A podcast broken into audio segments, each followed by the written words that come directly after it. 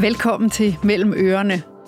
Min gæst i dag kender vi som den karismatiske, bramfri, sprudlende dommer i Vild med Dans, med to sæt briller i håret.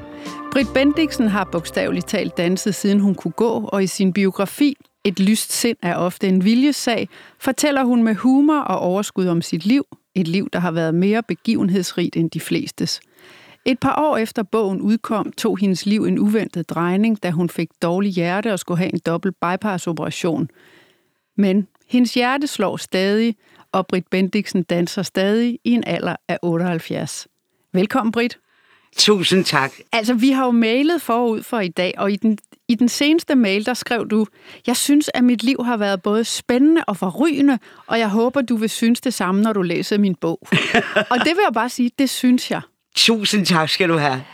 Jeg kan også, jeg må sige, at egentlig det er meget sjældent, at biografier bliver anmeldt. Men den blev anmeldt, og både Bettina Helberg og Jakob Sten Olsen gav den meget, meget flotte anmeldelser. Og så ved man jo ikke, det er det, jeg til nu siger det, så ved jeg jo ikke, om det er mit liv, der bliver anmeldt, som de synes har været spændende, eller om det er øh, forfatteren, der, hende, der skrev den, der hedder Iben Albino øh, Sabro, om det er hende, der får anmeldelsen. Men i hvert fald så er jeg allergladest for, at du synes, den var god. Jeg synes, den var... Og, og, altså, jeg synes virkelig, at øh, man bliver taget ligesom på en øh, blød vinge, og så bliver man ført afsted gennem alt, hvad du har oplevet, og som jeg starter med at sige, og det er jo virkelig ikke så lidt. Og, og hele tonen er jo også indeholdt i titlen, nemlig Et lyst sind er ofte en viljesag. Hvor kommer, hvor kommer den titel fra, Britt? Ja, det kommer egentlig fra min mors øh, gæstebog, som hun fra 1933 fandt jeg tilfældigvis, efter hun var død, lå den læderindbundet og fin, og hvor hun så skriver, at et lyst sind er lige så ofte en viljesag, som det er en arvet gave. Det vil sige, hun mener, at man har lidt med hjemmefra. Man har lidt af det der positivitet med, og det tror jeg egentlig også, jeg har.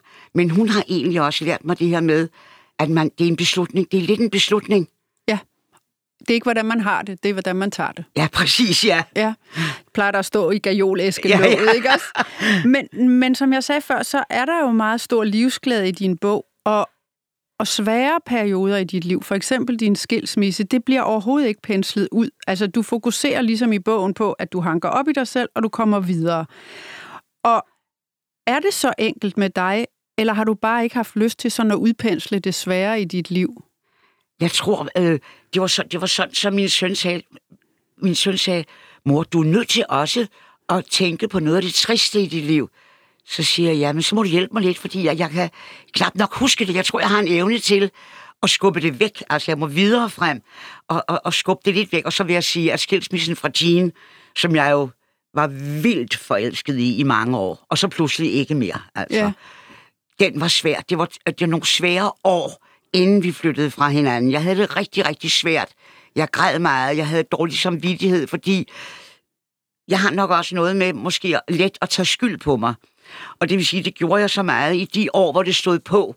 Så jeg tror, at, at jeg fik nok. Og derfor så er det ikke noget, jeg har lyst til at tale om. Og det er nok derfor, at det kun får forholdsvis få sider i bogen. Fordi du tænker, at det er lagt bag dig, og du bliver ja, egentlig bare ja. ked af det, hvis du råder op i det? Eller? Præcis. Altså, så øh, ja, det gør jeg. Ja. Øh, men vi skal heller ikke snakke mere om det nu. Vi skal i stedet for snakke om to kvinder, du er vokset op med, som fylder rigtig meget i bogen, og som også har betydet rigtig meget for dig, nemlig din mor og din mormor. Og hvis vi nu begynder med din mor. Hun og din far havde jo danseskole fra du blev født. Hvad lærte hun dig? Jeg ved godt, det er et stort spørgsmål, fordi ja, hun, har, hun har virkelig lært dig meget, ja, for... men, men noget af det vigtigste. Ja, men hun er, hun er den, der har præget mig aller, allermest i mit liv, det er der ingen tvivl om.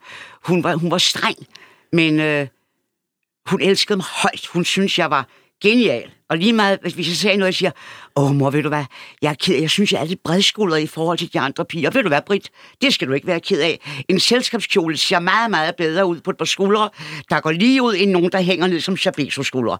Og det, og det var sådan set næsten lige meget, hvad jeg sagde. Så kunne hun altid finde en, der siger, ved du hvad, mor, øh, jeg synes ikke, at jeg er så pæn. Jeg har også et stort næse og sådan noget. Så Britt, du bliver pænere om alderen. Marlene Dietrich, hun er også stenbuk, ligesom du er. Jeg er også stenbuk. Stenbukke bliver kønnere og kønnere med alderen. Og så, så er jeg simpelthen opdraget med, at hver gang der var noget, jeg synes var lidt trist, så øh, på en eller anden måde havde hun altid en løsning, der gjorde mig glad. Jeg tænkte, ja, det har hun nok ret i. Altså, så, så hun har været med, så var hun jo også hun var gift, og hun gik igennem en meget, meget hård skilsmisse, hvor min far, de havde drevet danseskolen stor. Hun var, hun var advok- på et advokatkontor, han var skolelærer, og de fandt sig ud af, at de så meget godt ud. Han var Ollerup gym, øh, gymnast, og min mor var også elitegymnast, så de spillede badminton og tennis, og de kunne. Og så under krigen begyndte jeg at gå til dans ude hos Fredrik Petersen på Amager. Og så sagde folk til dem, nej, hvor er I smukke, nej, hvor er I et flot par. Og så siger min far, du, skulle vi ikke, skulle vi ikke læse til danselærer? Og det gjorde de så. Da der så er gået der en 5-6 år, og min mor, vi har jo så to børn, min storebror og mig, og så siger min far, åh, ved du hvad, tror du ikke, vi skal ansætte en ung assistent, fordi du har lovlig meget at se til. Min mor underviste også i gymnastik om morgenen, og to børn, og så videre, og så videre. Så de blev enige om, at nu var der penge og midler til, at de kunne ansætte en dygtig ung danselærer. Og det gjorde de. En yndig ung dame, der hed øh, frøken Christensen, og selvfølgelig forelsker min far sig i hende. Det er den gamle Klassiske. historie, og det ender med, at de bliver skilt. Det vil sige, det er, og det gør de, da jeg er 6-7 år. Og det vil sige, det er egentlig min mor alene, der står for opdragelsen af mig. Og hvis jeg selv må sige det, synes jeg, hun har gjort det rigtig, rigtig godt. Hun har lært mig mange ting. Kom jeg hjem en dag, jeg legede med nogle piger, der boede i baghaven, der var lidt ældre end mig. Og det vil sige, de gik i skole. Og jeg gik ikke i skole endnu. Men, men øh, synes selv, jeg var ganske kvik, og det, jeg klarede det ellers udmærket. Ikke? Så kommer jeg hjem, og så siger jeg, du hvad, mor? De driller mig altså, for de siger, jeg går ikke i skole, jeg kan ikke stave. Så siger hun, Britt, nu sætter vi os ned. Det om aftenen. Så satte vi os ned. Så lærte hun mig at stave til fotografiapparat. Hun siger, så prøv at spørge dem i morgen, om de kan stave til fotografiapparat, for nu kan du i hvert fald. Og det, og det er sådan, hun har reddet situationer for mig altid, men hun har også givet mig store challenges. Da jeg var syv, der sendte hun mig med min storebror, der jo så har været, jeg sagde måske hun har været 6, han har været en 13-14 år, og en ven, min mor havde mødt nogen, der havde en, et stort hotel, tror jeg, i Dalarne i Sverige. Og så sender hun min bror og ham derop, og så, og så siger de, den, pige, den lille pige, du har, må gerne komme med, siger de mennesker til min mor. Så jeg kommer med. Det vil sige, at Bo på 13 år får totalt ansvaret for mig. Det vil sige, at jeg har sendt meget afsted. Jeg var også i England som 12-årig. Jeg tog selv toget til Harwich, Esbjerg Harwich-færgen. Tog selv over. Bo var så i England på det tidspunkt, min storebror. Han holdt og ventede ved stationen i sin gamle bil og sådan noget. Så jeg har, der har været, jeg er blevet har skubbet meget væk. Ja. Både skubbet væk og hentet ind. Altså, jeg synes selv, at hun gjorde det aldeles glimrende. Og hun var jo sådan set en moderne kvinde i den forstand, at da hun bliver skilt fra din far, så overtager hun jo danseskolen alene og kører den. Det er det, hun gør. Og hvad har det betydet for dig at have sådan en businesswoman til mor? For det blev hun jo. Ja, det var hun altså. Det var, det var noget mærkeligt. noget. Det var sjældent, altså dengang. Altså, jeg er jo født i 1942, og det vil sige, det var sjældent, at kvinder på den måde kunne klare sig selv. Hun måtte også, hun var hos fem sagfører, før der var en, der alle, alle sammen sagde, lille fru Bendiksen, de kan nok forstå, en enlig kvinde med to børn, kan jo ikke drive et firma. Det skal manden overtage. Min mor sagde, nej, det skal han ikke. Det er ham, der går. Jeg prøver at køre videre. Så hun købte ham sådan set ud, og den femte sagfører, den femte advokat, hun var hos, han sagde, okay, vi prøver. Og så vandt hun sagen, og så kørte hun altså firmaet videre og byggede det dobbelt så stort. Da- Så mødte hun en ny mand, øh, Scott, øh, og øh, han hjalp hende meget. Han var ikke så forelsket i mig, som han var i hende, mm. men øh, så er det jo ofte ikke. Men det gik, altså det gik. Ja, det gik jo indtil det så viste sig, at Scott sådan set stod for budgetterne og for regnskaberne, men der var forsvundet en del penge, ikke Det også? var der, ja. Og der var vi i retten, og min mor måtte betale ja, en million i bøder og en million mere. Det var simpelthen, altså så, der har været mange svære perioder, hvor vi virkelig har, har skuet pas på. Han, havde, han samlede på frimærker, han var meget, meget stor frimærksamler. Og han sagde til min mor, jamen Mitzi, jeg har jo kun gemt de her penge, han havde ændret i regnskaberne. Jeg har kun gemt dem, for at du og jeg på vores gamle dage skal have, skal have det rigtig, rigtig godt. Og så sagde hun, vil du være så burde du lige have fortalt mig om det i hvert fald. Ikke? For han ønskede ikke, så smed hun ham ud simpelthen. Hun sagde, jeg kan ikke have sådan noget uærlighed. Og der, men der var hun jo en ældre dame. Ja, mm. Hun virkede ikke sådan, men det var hun. Men hun stod på benene, uanset faktisk, hvad livet bød hende. Ja, ja. Altså, hun, hun, hun faldt ikke, nej. Nej, Hun blev ved med at være der og være til stede. ja. Og jeg kan huske, han ville ikke flytte nemlig. Han var stadigvæk forelsket i hende. Men hun kunne ikke have den der uærlighed, der, der var. Han havde en søn på min alder, som, øh, som han vist nok forkælede rigeligt. Men, men, med de fælles penge, altså en af dine mors ja, penge, ja, ja, ja, ikke? ja. Jamen, Men det- ved du hvad, det er jo det er længst overstået. Og min mor, hun sagde, Britt, vi er sunde og raske, vi skal videre, vi skal nok klare situationen. Ja, og så havde hun jo sådan et andet saying, som var, hvorfor ærger sig? Ja. Og, og det tænker jeg, altså var det ægte, at hun kunne praktisere det, både da din far var hende utro med den unge øh, danseassistent, og da Scott ligesom har lenset hendes budgetter?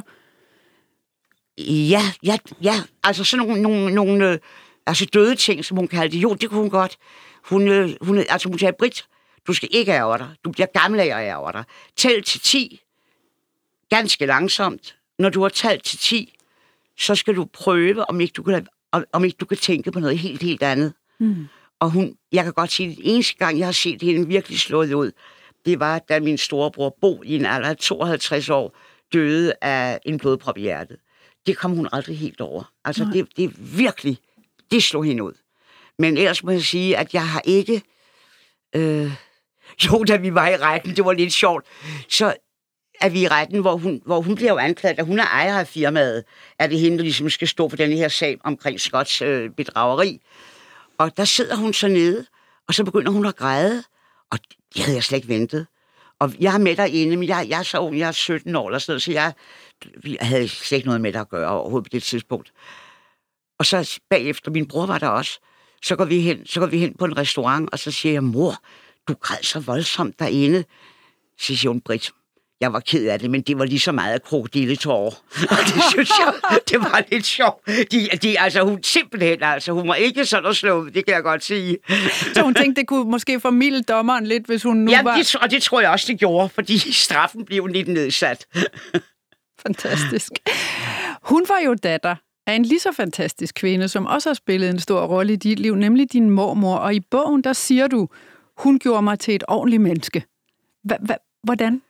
Ja, men hun var så fin, altså. Hun var, hun var, hun var en, speciel dame, altså. Også, hun var, hun var nok en af landets første røst, rødstrømper, vil jeg tro. Altså, hun var gift med min opa, min østriske morfar. Min mormor var svensk, og hun kom hertil som 14-15-årig for at hjælpe sin storebror, der var skrædder og var flyttet til København og havde bosat sig her, og havde et fint skrædderi i byen. Og hun var hun havde, altså hun var, hun var simpelthen så fin, fin, fin. Hun øh, gik kun i skole til og med 6. klasse eller 5. klasse i øh, Småland, hvor hun boede, voksede op i en lille by, der hedder Urschult. Og hun havde kun én læsebog, og det var Bibelen. Og den kunne hun sådan set forfra og bagfra. Hun Ja, det var hendes læsebog. Hun gik i skole hver anden dag. Hun gik til skole der i Småland og Markvejene, og så læste hun i den. Og det mest utrolige er, at hun var sådan set ateist. Hun, øh, hun sagde, Britt, skal du konfirmeres? Jeg siger, det skal jeg. Britt, er du sikker på, at du er troende nok til, at du lader dig konfirmere? Jeg siger, mormor, det er jeg. Det er jeg, det skal jeg. Nå, siger hun, ja, ja. Men hun kom i den svenske kirke her i byen hele sit liv. Lige fra hun kom, så kom hun til alle foredrag i den svenske kirke. Da hun døde, der kunne jeg se hendes bibel, hendes gamle svenske bibel, har jeg stadigvæk med krøllede bogstaver. Og der ligger nogle øh, duftende postkort, så man kunne købe dengang med roser, man åbner, og så kommer der duft ud. De ligger nogle bestemte steder på nogle bonmorer, som hun synes var væsentlige og sådan noget. Men hun insisterede på, at hun var ateist. Hun sagde til mig, Britt, du skal ikke begynde at ryge. Hvis du først begynder at ryge, så er du på et skråplan. Så ender det også med, at du begynder at stjæle. Og ved du hvad? Det er ikke godt. Så prøv at holde dig fra alle den slags ting. Altså, hun var, hun var meget bestemt. Så, så da jeg som 18-19-årig sagde, mormor, jeg ryger altså en cigaret en gang imellem. Britt, det skuffer mig. Det skuffer mig meget, altså.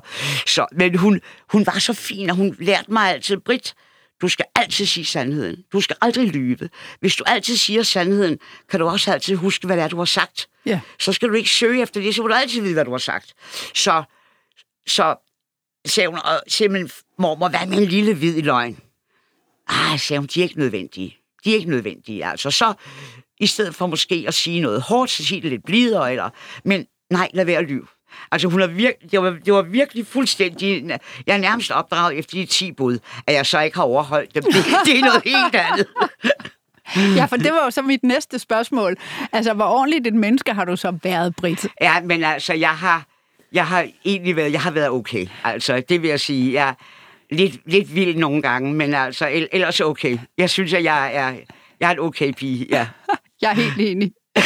I hvert fald udefra set jo. Øhm, vi skal, vi skal lige prøve at vende os lidt mod dansen, fordi som sagt så åbnede dine forældre øh, Danseinstitut i 1942, hvor du blev født.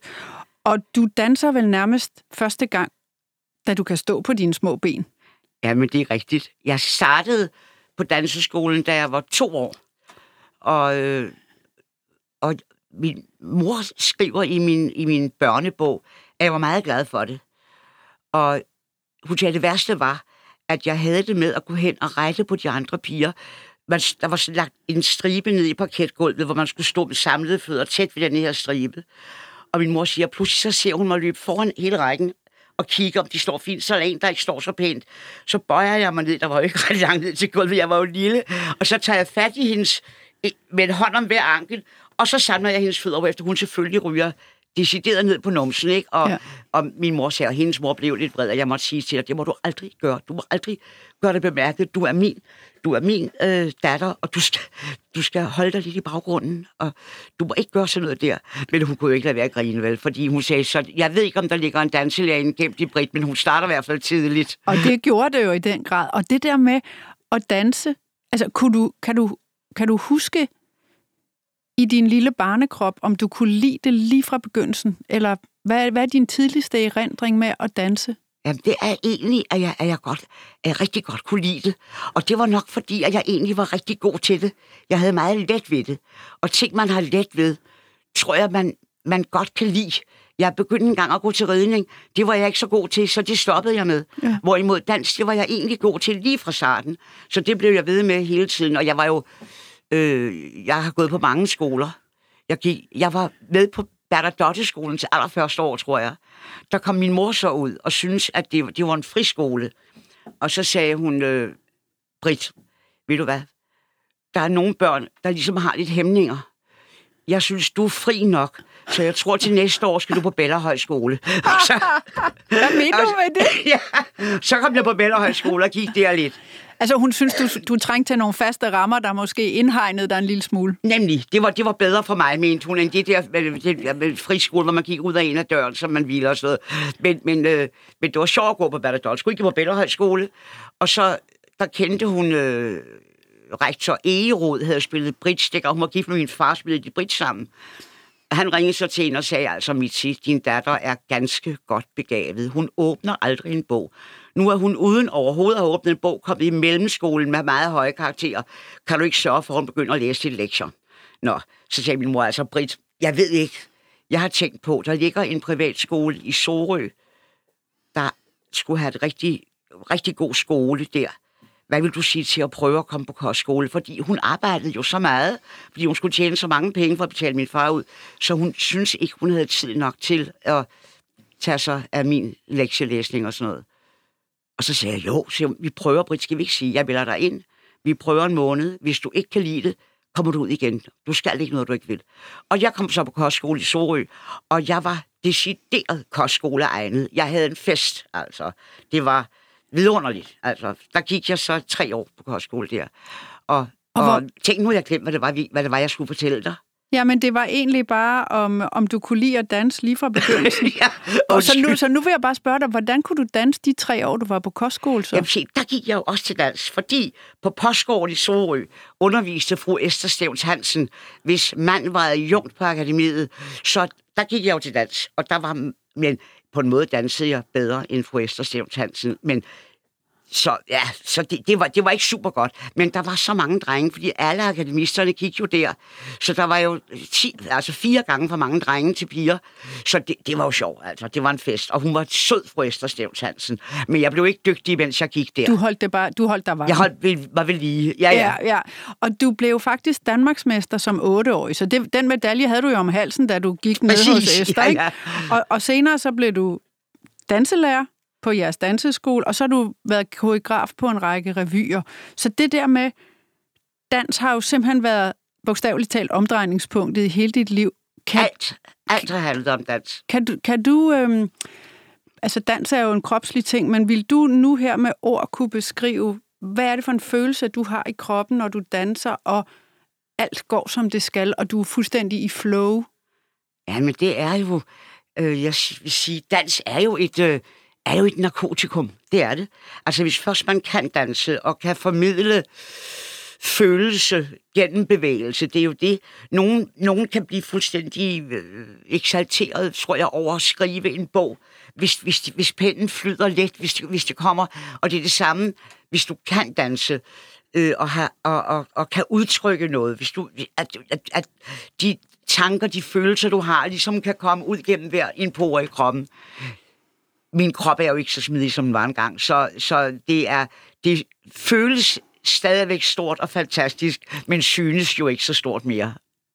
Men tror du noget af dit lyse sind i virkeligheden også er hele tiden blevet øh, pumpet ekstra, fordi det, du bliver glad af at danse? Jamen, det tror jeg.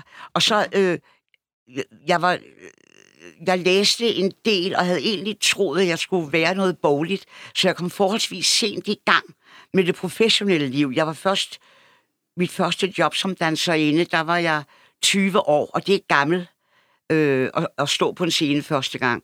Og det vil sige, at jeg øh, først der blev begyndt at dygtiggøre mig. Og det vil sige, at jeg tænkte, at det her, det kan jeg godt lide, det vil jeg. Og fandt så ud af, at hvis jeg vil det her, så skal jeg være god. Jeg skal være blandt de bedste, ellers er det ikke sjovt. Min mor har lært mig, at hvad du end vælger af fag, er det sjovt, bare du er blandt de bedste. Og det vil sige, at jeg skal være bedre, jeg vil være bedre, fordi jeg var blevet fuldstændig vild med at danse. Og det vil sige, at jeg tog på balletskoler i, i Frankrig, og jeg tog til øh, England, og jeg var i USA, og jeg, jeg var virkelig meget ude og dygtiggøre mig. Mm. Og det gav dig jo virkelig mange oplevelser. Øh, nu siger du balletskole i Cannes i Frankrig, og vi skal lige høre et klip fra din bog, hvor du fortæller om en meget, meget særlig aften, hvor du dansede for blandt andre prinsesse Grace af Monaco. Kommer her. Det var en varm sommeraften. Scenen synede enorm og var flankeret af høje kulisser, der var bygget op som trapper. Bagved stod en række træer foran et mærkeligt skævt tag. Det var her min bror lå og gemte sig, fandt jeg senere ud af. Den forreste halvdel af scenen lå udendørs, altså udenfor, med direkte udsyn til nattehimlen, der var fuld af stjerner. Rundt om scenen var der en kreds af runde borer med gyldne duer og guldfarvede stole, og en tjener stod bag hver anden gæst. Imens gik serveringspersonale med store fade. Ved det bord, der var nærmest scenen, sad værtsparet, Fyrst René og prinsesse Grace. Han i sin karakteristiske uniform, og hun i en lys og let galakjole. Blandt de mange internationale stjerner og Hola Shores sad også den ungarsk-amerikanske Hollywood-stjerne Sasa Gabor. Mens jeg dansede, var jeg i fuld koncentration. Men før vi gik på scenen, havde jeg fundet et hul at kigge ud på gæsterne igennem. Det var en fuldstændig fantastisk oplevelse. En af mine venner sagde engang til mig, at det er fordi jeg er dygtig, jeg oplever så mange spændende ting. Det er altså ikke lutterheld, sagde hun. Men jeg holder fast i, at jeg føler mig heldig. Samtidig må jeg se i bagspejlet og også konstatere, at jeg nok også har en vis evne til at byde heldet velkommen, når det begunstiger mig. Jeg havde ingen forventninger om at komme ind på balletskolen, og jeg havde ingen forventninger om at blive valgt af den engelske ballettrup. Men jeg prøvede alligevel. Den sommer på den franske riviera var en drømmesommer.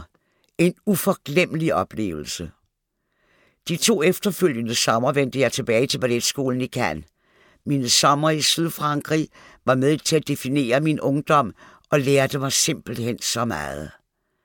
Hver gang vendte jeg hjem gennemstrømmet af sol, sommer og selvtillid. Det lyder jo fuldstændig fortryllende faktisk med sådan et Walt Disney-ord. Altså både at danse den her særlige aften og din tid i Cannes. Kan du ikke prøve at sætte jo, nogle det, ord det på var det? fortryllende. Det første år, jeg var dernede, der var jeg nyforelsket i Jean. Jeg havde kendt Jean et år på det tidspunkt. Vi vidste ikke rigtigt, hvad det skulle blive til, om det blev også, fordi han var jo amerikaner og arbejdede meget i Norge og sådan noget.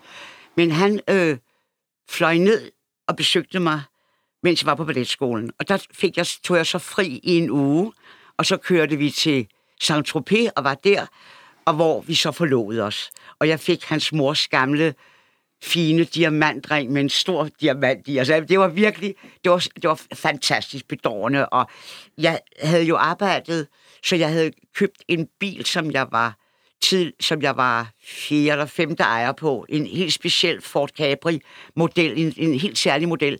Min bror fulgte mig ned, så han kørte med mig ned og fløj så hjem. Ja, jeg var lidt forkælet, ikke? Altså, kan, det kan jeg godt høre, når jeg sidder og taler om det. Men han fulgte mig ned, og han kørte så hjem, og så fløj Jean ned. Og så på et tidspunkt, så... Øh, kom min mor også ned og besøgte mig. Ja, men, altså, men jeg var så flittig, og jeg kan huske, at jeg søgte ind på balletskolen. Øhm, jeg var på en skole i Cap d'Aille, der hed Centre d'Université de Cap d'Ai, hvor man lærte fransk. Min mor synes, jeg havde sådan sprognæmme, det ville være godt, hvis jeg kunne noget mere fransk. Jeg tænkte, det er en god idé. Og så øh, kommer hun ned og besøger mig, og så siger jeg, mor, ved du hvad, det her franske, jeg kan rigeligt fransk, jeg skal blive bedre til at danse. Der ligger en fantastisk balletskole i Cannes, har jeg hørt. Gider du køre med mig derhen? Og vi kommer derhen, og vi går op, og jeg vil søge ind, og han siger, som jeg formoder på engelsk, han var russer, ham der var der den dag. Det var ikke Rosella Hightower selv, der var der. Det var en russer, og han siger så, jeg formoder, at du er fra den kongelige danske ballet. Så siger jeg, nej, det er jeg altså ikke. Så siger han, vi tager egentlig kun folk ind fra de helt store ballet, balletsteder rundt omkring i verden. Og så sagde jeg, ved du hvad, du vil fortryde, hvis du ikke tager mig ind, for jeg har et kæmpe talent. Ej, sagde du det? Og min mor, hun sad ved siden af det og lyttede, ikke? Og så grinede han, og så sagde han, ved du hvad, du får en uge på prøve. Og jeg kan huske, at jeg var så flittig. Jeg simpelthen stod op om morgenen og tog timer, hvor der stod de her små yndige franske børn, der tog timer. Jeg stod bare nede bag i og øvede mig første position og armbevægelser. Jeg tænkte, jeg skal. Det vil sige, at jeg dansede sådan set hele dagen. Og da der var gået en uge, så siger han, jeg har aldrig set nogen være så flittig. Ved du hvad, du får lov at blive. Og så var jeg to år, kom jeg så på den balletskole og var der. Fantastisk. Ja, det var, det var forrygende. Men der levede du i virkeligheden også op til en anden af din mors ordsprog, fordi hun sagde, Brit, af intet kommer intet. Præcis. Ikke? Jo. Man skal gøre sig umage, så Ja. sker der noget. Ja, ja, det er rigtigt. Og det sagde min mormor også. Min mormor, hun talte, hun talte svensk. Altså, hun havde en lille tvang af svensk til sin dødsdag. Altså, der, hun, når man er, bor så tæt på i landet, så er det sværere at komme af med accenten, tror jeg. Så hun havde en lille smule svensk i sig stadigvæk. Brittan, er intet kommet intet. Altså, hun, hun havde sådan lidt, ja, ja. Og du lyttede. Og jeg tænker på, at det mod, du havde til at sidde der og være så selvtillidsfuld, det kom måske også af, øh, at du dansede, fordi dans er for dig ikke kun noget fysisk, kan man læse i din bog. Du skriver sådan her om den mentale del af dansen. Dans sætter sig i ens krop. Dans lærer en at indtage et rum. Og måske kan dansen der lære en at indtage sit eget liv. Sådan har det i hvert fald været for mig. Det sværeste i dansen er armene. Du kan ikke danse latin med armene nede langs siderne. Du er nødt til at række ud. At søge ud og væk fra dig selv. Du skal gøre dig stor. Der mærker du, at du har en rækkevidde i kroppen, du måske slet ikke kendte til. En rækkevidde ud mod andre mennesker og ud mod verden. Så dansen har også givet dig et særligt stort mod. Tænker du det? Ja, det tror jeg. Jeg tror, at det giver mod. Altså alene det, at man som lille barn skal lære at gå ind i en stor dansesal med parketgulv, hvor når man er lille, virker alting jo meget, meget stort. Og når man vender sig til det fra barns ben, så kan man ikke... Så, så, så tror jeg, man får mere mod. Ja. Og så øh, må jeg sige, at succes adler, det sagde min mor, succes adler. Og jeg er altså benået, fordi jeg har haft meget succes med, med næsten alt, hvad jeg har gjort. Jeg blev også ringet op, om jeg ville skrive i den store øh, nye danske encyklopædi. Så der er danseskribent. Det vil sige, at jeg har brugt dans, dansen på så mange måder, at, jeg, at, det, at, at det har været et fantastisk liv. Men det er jo dans, der hele tiden har været altså pillen, altså centrum omkring, hvad jeg end, hvad jeg end har gjort. Ja. Mm. Og jeg tror, at det har givet mig en, en sikkerhed. Nu i dag sidder jeg her som 78-årig. Der er det let at være sikker, fordi man har karrieren bag sig. Det er klart, at da jeg var ung, jeg var altid lidt bange for ikke at være god nok. Altså, jeg ville være bedre. Jeg, jeg skulle være dygtig. Jeg ville være god. Jeg ville have succes. Og det vil sige, der har jeg nok ikke været helt så sikker. Jeg ved det ikke. Jeg kan ikke huske det. Men i dag kan jeg godt høre, at jeg lyder meget sikker. Og, og det, det er meget lettere, når man er 78. Ja, så har man lov til det. Man har lov til at være sikker. Man har lov til at tro på sig selv. Lige præcis. Og du er 78. Du underviser og danser stadig, men hvor meget? Mindre. Altså, og, og, og jeg er så heldig, at jeg øh, kun behøver at gøre det, når jeg har lyst. Jeg har så dygtige folk nu på, på Bendiksen Dans, som det hedder. De er simpelthen så geniale. Så, og ham, der leder det nu, der hedder Miki Chau, han er dygtigere til standard Latin ballroom, end jeg nogensinde har været. Men det er så sjovt, det er mig, der har trænet ham op. Han startede hos mig som otteårig, og har så senere vundet i England og alle steder. Ikke? Så nu er jeg ansat ham, ikke? og nu har han så fået lov at overtage. Det er fornuftigt, Britt. Ja. Øh, men sidste år, der fik du jo vrøvl med hjertet lige pludselig, og så fik du en dobbelt bypass-operation, og du måtte melde fra som dommer i Vild med Dans, som ellers skulle have været den 16. sæson. Ja. Nu er det lidt over et år siden, at du fik operationen. Hvordan går det? Hvordan har du det? Ved du hvad? Jeg føler mig som nyfødt. Det er fuldstændig fantastisk. Fordi jeg følte mig ikke syg, da jeg blev syg. Altså egentlig. Det var bare, så kunne jeg mærke noget sådan midt i brystkassen. Jeg tænkte, hmm, hmm, der er vist noget, der ikke er så godt. Og jeg løber jo og spiller lidt tennis nede i en seniorklub. Øh, jeg spiller dårligt tennis, men jeg har en fest. Men, og der er det, jeg mærker det. Og jeg tænker, hovsa, jeg må vist lige ringe til lægen, og det gør jeg så. Han sender mig hurtigt videre, og så bliver jeg opereret forholdsvis hurtigt efter. Og de sagde, at det var rigtig stemt. Altså, to af mine kranspulsårer var fuldstændig lukkede. Så det var, altså, jeg havde ikke levet ret meget længere, hvis ikke den operation var kommet i stand. Så nu har jeg det bare fuldstændig vidunderligt.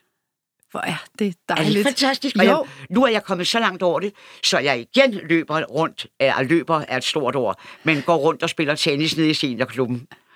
Fantastisk. Og er du, altså folk, der oplever sådan noget, kan jo godt kigge sig lidt over skulderen og have sådan en angst i kroppen for, at der skal ske noget alvorligt med en igen. Det har du ikke, eller hvad? Nej, det har jeg ikke. Det har jeg, jeg var til noget undersøgelse på Herlev efter, og så siger han, øh, har du en depression? Nej, siger det har jeg ikke, det mener jeg ikke. Så siger, siger lægen der, det, det er ellers normalt, de fleste har en depression. Er du sikker? Ja, siger jeg, nu, jeg ved det ikke, jeg tror, jeg tror det bestemt ikke. Så fik jeg sådan et papir, jeg skulle udfylde, og det skrev efter bedste evne, alt fuldstændig sandt. Og så sagde han, ved du hvad, du har ikke nogen depression. så det var jo dejligt, at jeg næsten har papir på det. Ej, jeg har det rigtig godt. Du ser også fuldstændig fantastisk ud. Oha, tak i lige måde. Tak. Britt, jeg skal høre dig bare her til sidst. Du havde jo besluttet, at sidste års Vild med Dans, din 16. sæson, skulle være den sidste, og så vil du takke af. Men du kom jo ikke selv til at bestemme, fordi den der bypass øh, ja, lagde dig jo lidt ned. Ja. i vejen, ikke? Ja. Så hvad øh, tænker du? Altså, håber du, ja. at du får den sidste sæson? Åh, oh, ved du hvad? hvad? Jeg ved stadig... Marianne Eihild, som jeg var kendt fra, hun var øh, danser selv, øh, er jo, gjorde det jo så godt, synes jeg. Jeg var imponeret, og så synes jeg jo også, det er lidt sjovt, at der er en, der taler jysk øh, i det dommerpanel. Det har der jo ikke været før. Jeg synes, hun klarede det så flot, så flot. Men... Øh, så jeg tror, de tager hende. Jeg ved det ikke. Men jeg er altså frisk til at være med, hvis de spørger mig. Øh, ja, måske kan de udvide, så Marianne kan blive der, og så I ligesom er fem dommer. Kunne man håbe på det bare en sæson? Det kunne da være fantastisk at være fem dommer. Jeg tager det så behøver de ikke så mange dansere. Nej, vel? Britt, det har været øh, en fornøjelse at tale med dig. Ha' det rigtig godt, og pas på dig selv. Tak, fordi du ville se mig. Det var en fornøjelse. Tak, Cecilie. Og tak til dig også, der lyttede med. Mellem ørerne er tilbage igen næste fredag. For mere mellem ørerne Brug kampagnekoden Cecilie og få 30 dage gratis adgang til tusindvis af lydbøger på Mofibo.